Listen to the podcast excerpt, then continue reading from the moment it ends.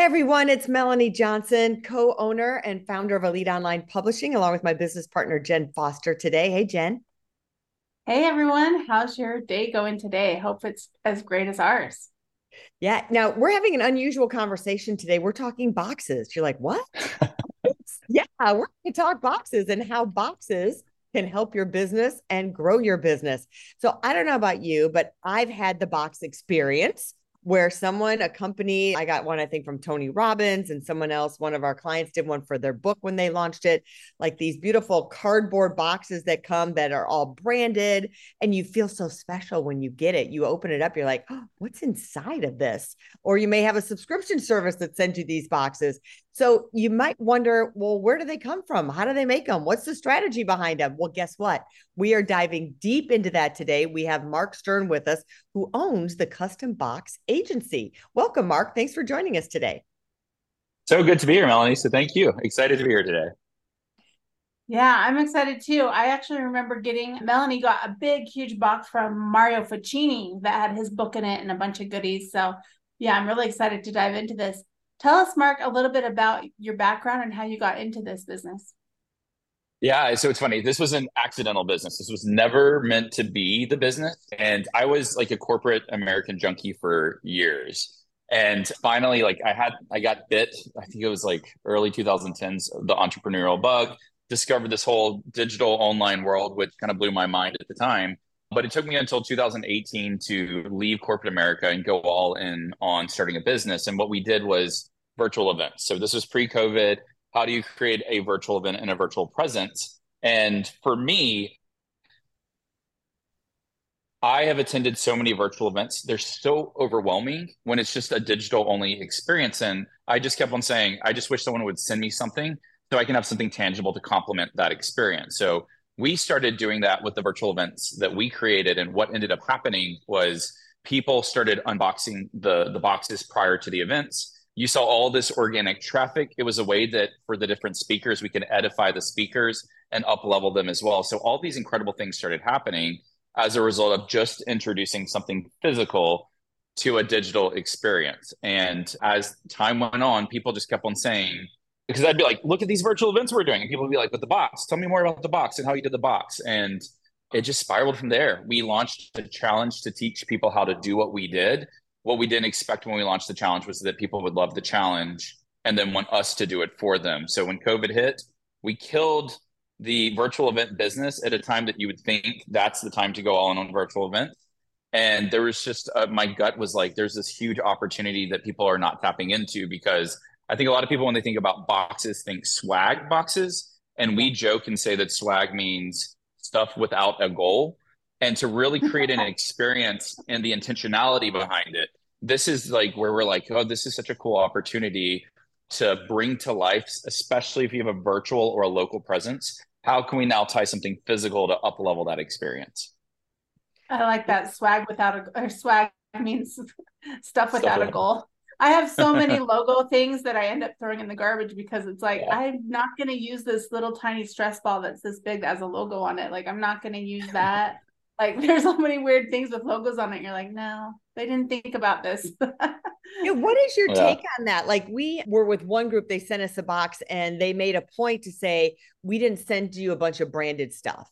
Like we sent you our favorite stuff. So like it might have been a mug that didn't say their business name or anything on it. It just said like, you know, drink wine or something. You know what I mean? So what is your take on branded versus not branded when you're sending a box?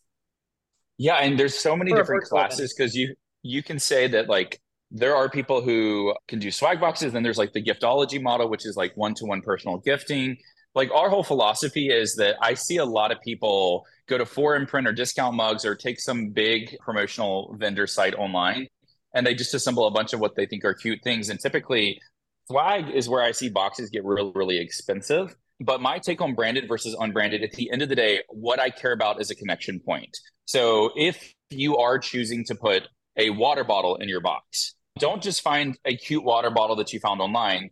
Like what I want is if you are an influencer, you are the attractive character for your business. Like if you're going to put a water bottle in there, I want it to be your water bottle because if you told me like you were a coach who trained entrepreneurs and you said, when I get stressed out, here's what I do I fill up my bottle of water with water.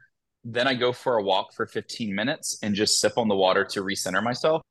If you give them your water bottle, not only is it a connection point, but you also gave them the ritual to have that experience. So when they get stressed out, they could be like, what does my mentor do?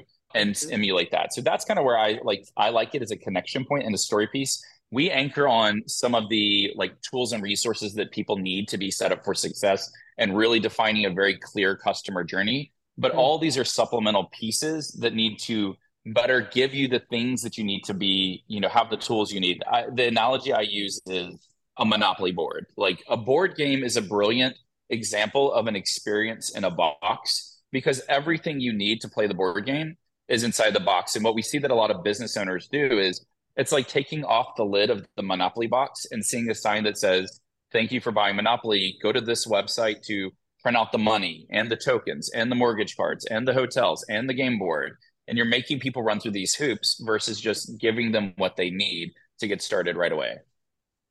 Oh, I like that because a lot of times you do feel that way when you get some of those boxes or when you're on an online event. They're like, okay, download this, download that. When if they would have sent a box or sent something, then it would have been a lot easier. Well, walk us through what companies or what is the best way to use your boxes. Like, what like is it more swag or is it more you know stuff that goes with the event? Like, how do you use it? What? Yeah, it's for an author yeah, too. No, we have authors, so I'd love you to yeah. talk. Like, if you're uh, totally, author, we can talk, and, and I actually have some examples right here. And so one of the things you'll notice is like we talk a lot about with clients about the intentionality behind the things that we save in our lives. And an example is what is it about a book that when people finish reading a book, typically they don't throw it out, they put it on a bookshelf. Mm-hmm. So books are that size, like the smaller size of a book. The fact that you can reread it and reference it again, the coaching around the book to say, have you ever watched a movie or read a book that if you read it at one point in your life, you had one interpretation, but if you read it uh, later on, it takes on a whole new meaning. So that repeatability is all our factors that we start to think about. So you'll see that a lot of our boxes are the size of a book. They're a little bit bigger than a book we brand the spine just like you do a book. Because if i know that you read books and put books on a bookshelf mm-hmm. why don't we simulate that with boxes? I know with board games or things with replayability. Like there my father still has his eight tracks and his vinyl records. We have dvds and vhs's even though we have no means to play the dvds and vhs's i still have the cd collection from when i was in high school. And what is it about these that uh, make us hold on to them and keep them? Because when we build these experiences I want you to save it. I want you to be able to reference it. I want you to have that element of it. So a lot of the strategy we think about with the box uh, experience, and I'll talk specifically about a book box experience too, is we love the smaller size because it's like a book to go in a bookshelf. Things that I want to see inside the box. Welcome note is standard. The reason that I say a welcome note is important is sometimes, like I, we've tested this too many times, and if you don't frame the experience that you're sending, some people are like, "Why did I get this?" And it kind of also is an opportunity to reinforce buyer decision. The second piece that we like is what we call a guide, how to get started navigating our program or our product or service, because there's so many different use cases. The third piece is what we call a journey map. How do I give you a step by step of the steps that you need to take going through this experience? So think about it as almost the game board of a board game. If you've ever played the game of life or Monopoly, and then finally all the tools and resources that you need. So to use an example that we're about to launch, this is about to hit the market, ideas that influence this box right here is a book box experience. So this is a box that we built that goes along with the book.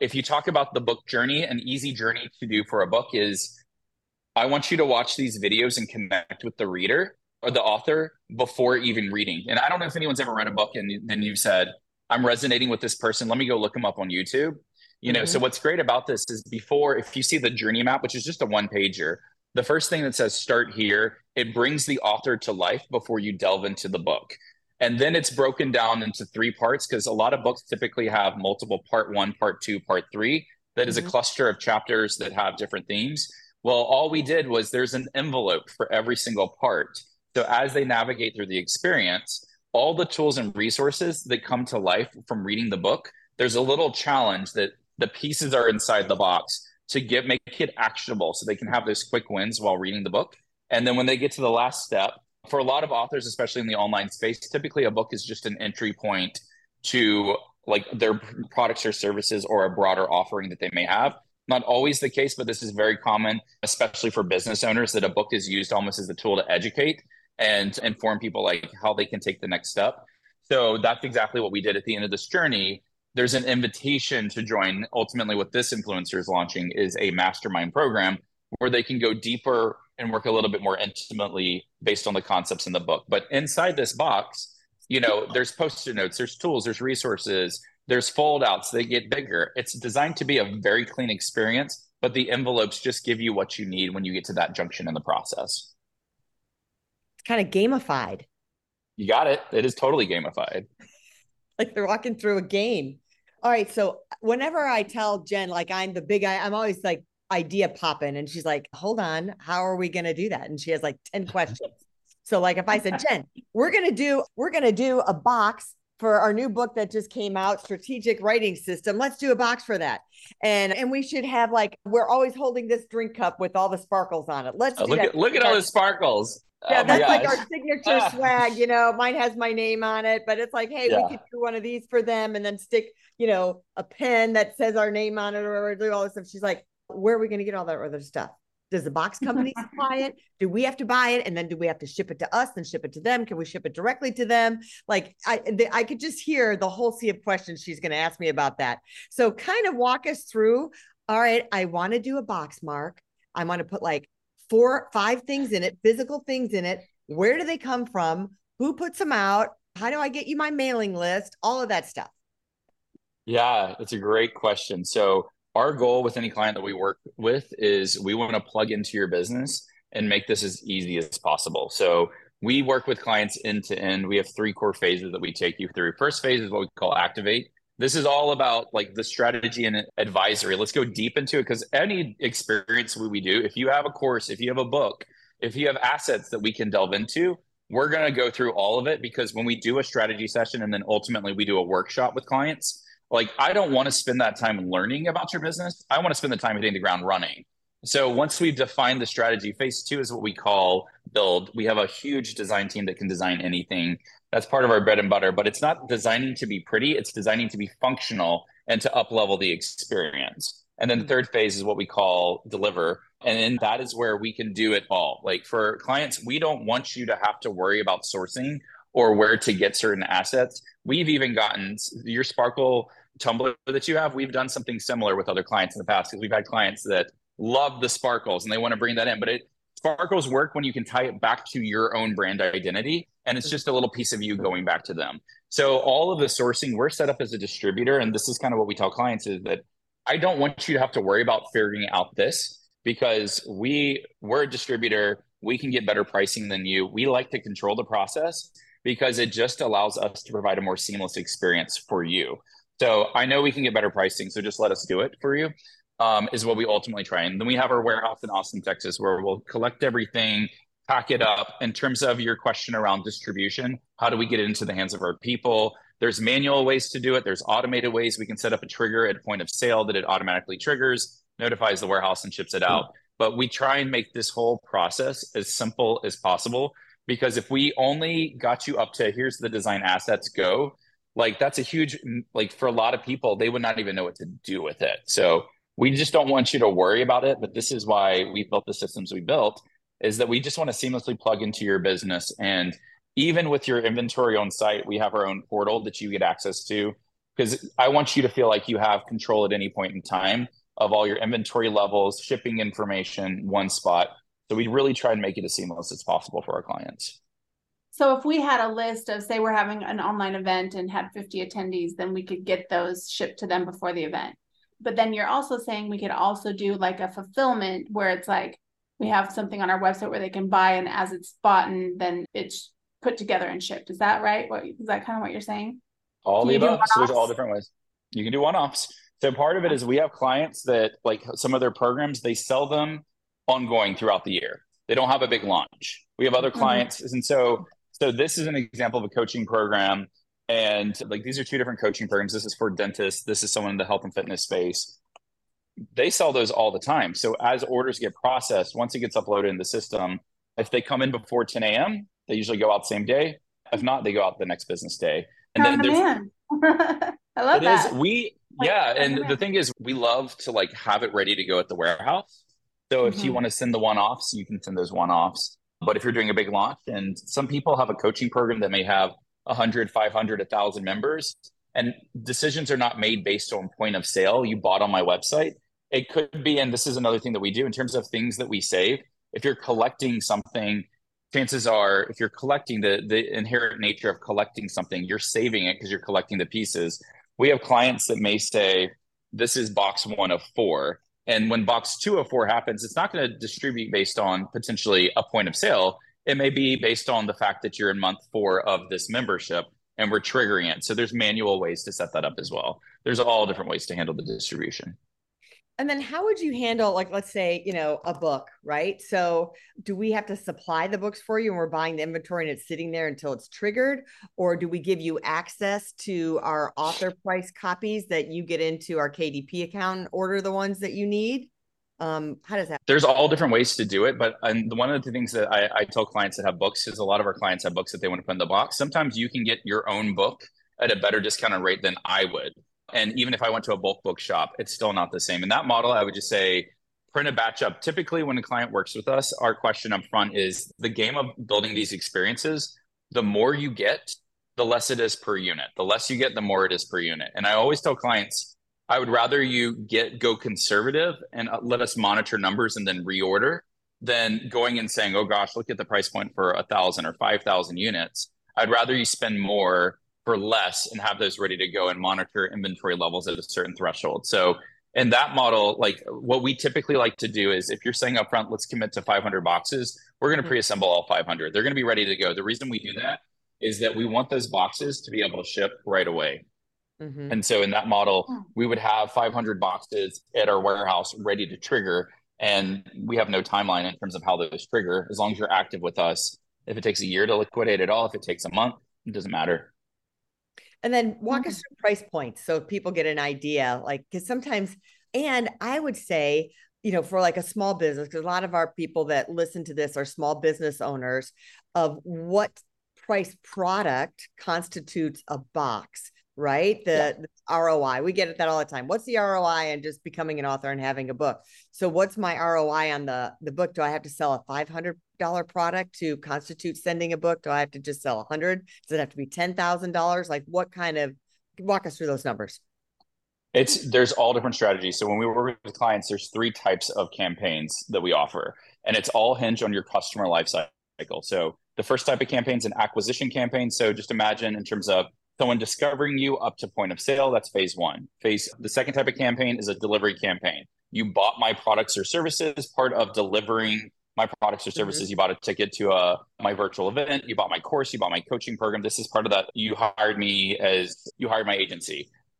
That box is all about like giving them an onboarding experience setting up the journey and then providing the tools and resources for that first breakthrough. Or is it a retention play? Retention's about extending lifetime value typically recognition. So when you talk about gamification, if you hit this milestone, if you sell X number of books, we want to send you an award. We want to recognize you in some capacity. Mm-hmm. Those types of campaigns fit into the retention points. So there's three different strategies. And based on there, there's different KPIs that we recommend that clients leverage. So with that, sometimes a box may not be the solution that you choose. Sometimes it on the acquisition front could be a mailer. These are a lot more cost effective and you can still build an experience out of these but what we typically see is that this is kind of where it's strategy. We've had people who've done a full build out for a 47 or $97 product. And even though it's more around self liquidating the cost of the box, my happy zone with the hard cost of goods is between 15 and $25 for a box, between two and $6 for a mailer. So we've had some people say, I want to wow you on the acquisition side when you like first start to engage with us and sell a very low ticket product. They may be hmm. self liquidating part of that investment, but part of what they're doing is they want to set the tone for seeding the entire journey for mm-hmm. that bigger ticket sale. It's not about the lower sale, it's about the higher ticket offer that you may be featuring on the back end. We have a lot of people in that delivery phase that do box or multiple boxes. And we've seen again 97, 997, 10,000, 15,000, $50,000, $100,000 programs. But again, I like to see those boxes be 15 to $25 and the reason I like a lower price hold is threshold is that a campaign's not just about for us receiving a box when you join, you may then say, when you like three weeks in, if you took a certain action, I'm going to trigger the t shirt or the water bottle or something else that may be more swag oriented, but it's designed as a recognition piece to celebrate people taking action. So that's kind of why I like to see those. And then on the back end for retention, again, it just depends on what you're doing. During the holiday time, it could be just like a, a gift, a reminder. It could be a flat mailer to see the next step. It could be a recognition certificate or a plaque or award. If you've seen like the two Comma Club awards that ClickFunnels does, we work with the same companies, we work with a lot of the same suppliers, and we produced a lot of those types of awards for our clients because recognition is a powerful mark to incentivize people to continue to take action along the way. So this is kind of where there's different strategies based on what you're doing in terms of ROI. The biggest factor about ROI that I tell everyone, people ask us this all the time. The first thing I would challenge you to do is make sure you know your numbers because a lot of people ask about ROI that don't know their numbers. And so if you don't know your numbers and the question around ROI, there's not an answer I can give you because you don't have that baseline. Make sure you have that baseline, make sure you know what those numbers should be across the process. But typically what we see is we've had clients that have doubled sales on the front end, doubled their conversion rates on the back end. We see higher completion rates. We had a client that just did a massive launch, sold 3,300 units of a $2,000 program and her attrition rate in the refund period like the first 30 days was like 19 and part of it that i know that is because one of the things that we did is you're welcome to get a refund in the first 30 days just send us back your box and we can measure those numbers and see those numbers so for 33 sales of a $2000 product when you have 19 people you know this is what we like to see is that a lot of times at the beginning of a process where you see those attrition rates increases overwhelm you've not established a good onboarding process You've not set up people with the tools and resources that they need. They instantly feel overwhelmed or they feel like a failure. No one wants to feel like a failure. And if in that first 30 day window, you don't feel set up for success, the easiest thing to do is to request a refund. And so this is just, there's so many different factors that can get into there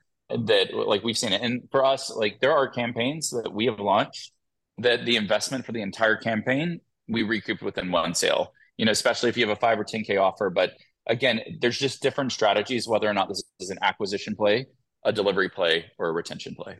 Mm-hmm. I love all the different ways you can use it. I mean, so many different ideas are going through my mind with like memberships, or mm-hmm. I, was, I was even thinking that there's some authors who had gone the traditional route and they have all these books in their garage. It's like, oh, well, let's get a program together. Yeah. Let's get an online course going and send everyone a book and include other things in the box. I love that. Yeah. Yeah, we hope like what we're trying to create is like a new opportunity for you and stand out differently. So yeah. Yeah. It's always you're always looking for creative ways as a business owner to um, stand out, get new clients, serve the clients that you have. Great content. I learned a lot. I got some notes here, Mark. Thanks for joining us today. We really appreciate yeah. it. Tell us where it's we good can spend- yeah. So if you the easiest way to find us is just to go to our website at customboxagency.com there's just lots of information. You can see examples of our work, and you know, there's a way that you can sign up for a free consultation with our team to see, you know, whether or not we're a good fit for you. Awesome. We'll put that link up in the show notes so people can click on that and follow you on. I'm sure you're on LinkedIn and all the socials as well. All the socials. Yeah. Terrific. Well, thank you.